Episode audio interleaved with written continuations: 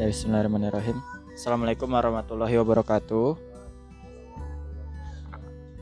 Oke, jadi di tausiah pagi ini eh kita sebagai seorang manusia kan salah satu fitrahnya itu punya curiosity ya, punya rasa penasaran. Suka untuk bertanya-tanya. Nah, rasa penasaran itu menghasilkan kita suka bertanya-tanya terhadap sesuatu atau juga bertanya-tanya kepada seseorang. Kalau kita misalnya mengajukan pertanyaan, normalnya kan kita mengharapkan pertanyaan itu dijawab ya. Nggak nggak enak lah kalau misalnya pertanyaannya nggak dijawab atau digantungin gitu. Pengen semua pertanyaan itu terjawab.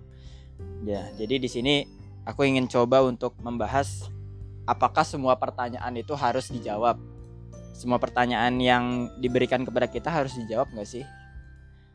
Nah di awal ini eh, aku ingin membagikan lagi sharing ya tentang eh, salah satu tausiah yang aku simak di Ramadan tahun lalu yang masih cukup nempel ya karena eh, cukup penting lah kalau menurut pesannya tausiah yang didapat di Ramadan tahun lalu salah satunya aku nyimak salah satu tausiah dari Syekh Muhammad Aslem namanya jadi beliau ulama asal Suriah yang sekarang stay di Birmingham di Inggris.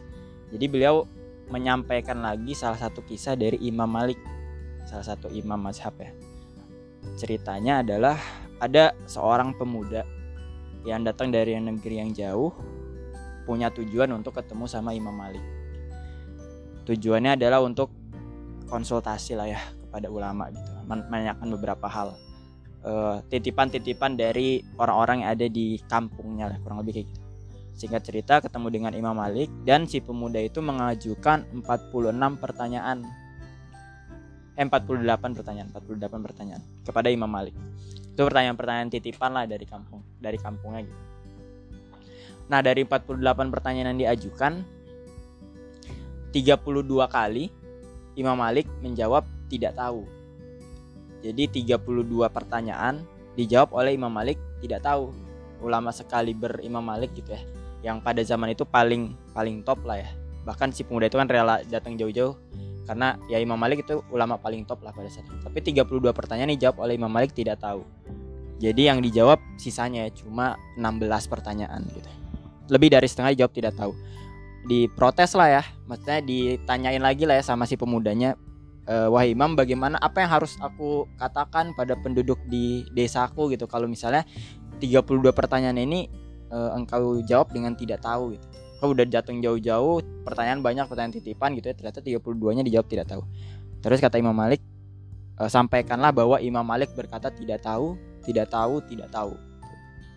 Lalu habis itu Imam Malik juga bertanya juga ber, juga menjawab berkata kayak gini ketika aku ingin berkata sesuatu atau ingin menjawab sesuatu aku memposisikan diri aku berada di antara surga dan neraka. Sehingga aku akan menyampaikan sesuatu yang aku betul-betul punya pengetahuan terhadapnya. Jadi e, menurutku ini cukup ini banget ya, tausiah sangat kena banget bahwa ketika kita ingin menjawab sesuatu atau mungkin menyampaikan sesuatu yang memang benar-benar kita udah paham gitu, bukan cuma masih setengah-setengah belum utuh pengetahuannya. Bahkan yang sekali ber e, Imam Malik aja masih menjawab tidak tahu gitu ya kalau misalnya mau dibandingin kita dengan Imam Malik wah itu jauh banget lah ya. Jauhnya jauh jauh bet bet bet bet lah ya. Sangat jauh lah ya. Uh, jadi ini cukup menjadi tamparan juga menurutku karena aku juga kadang-kadang suka suka gatel gitu. Jadi suka gatel ingin menyampaikan atau menjawab sesuatu. Padahal ya mungkin pengetahuan-pengetahuan itu aku belum punya pengetahuan yang utuh terhadapnya.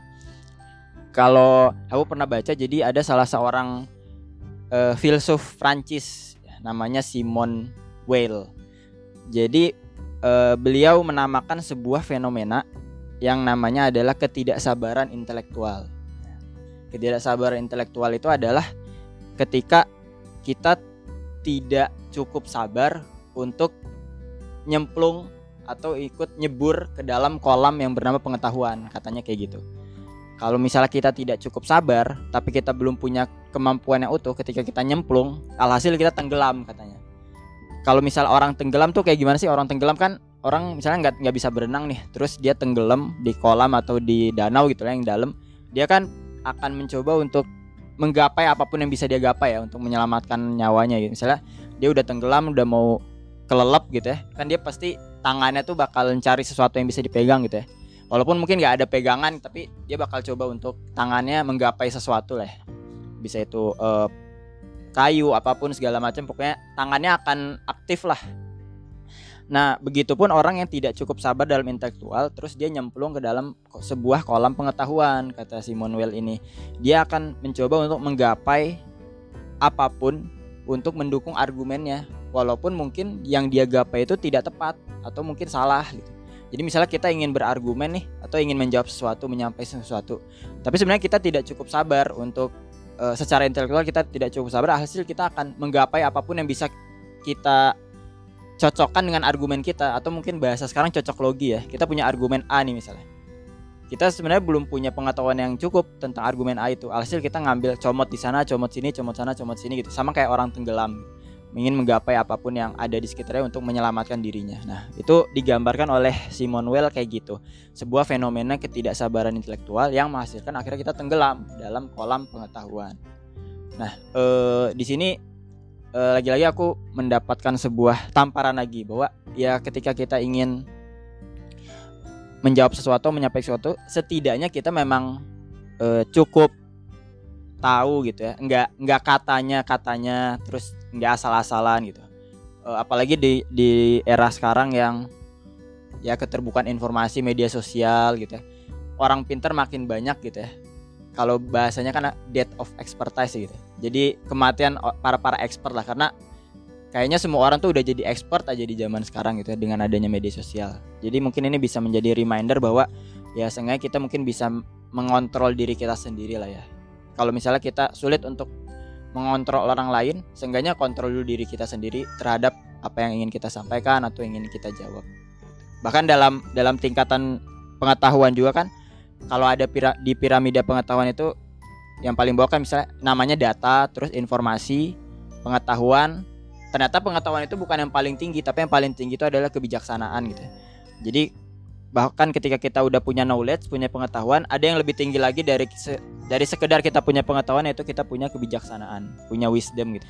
Apakah pengetahuan yang kita punya uh, bisa untuk diterapkan atau enggak? Itu yang namanya mungkin kebijaksanaan. Kayak gitu sih paling uh, semoga bisa menjadi reminder terutama buat diri aku dan juga buat mungkin yang mendengar ya. Oke, okay, uh, eh, itu teman-teman. Terima kasih. Assalamualaikum warahmatullahi wabarakatuh.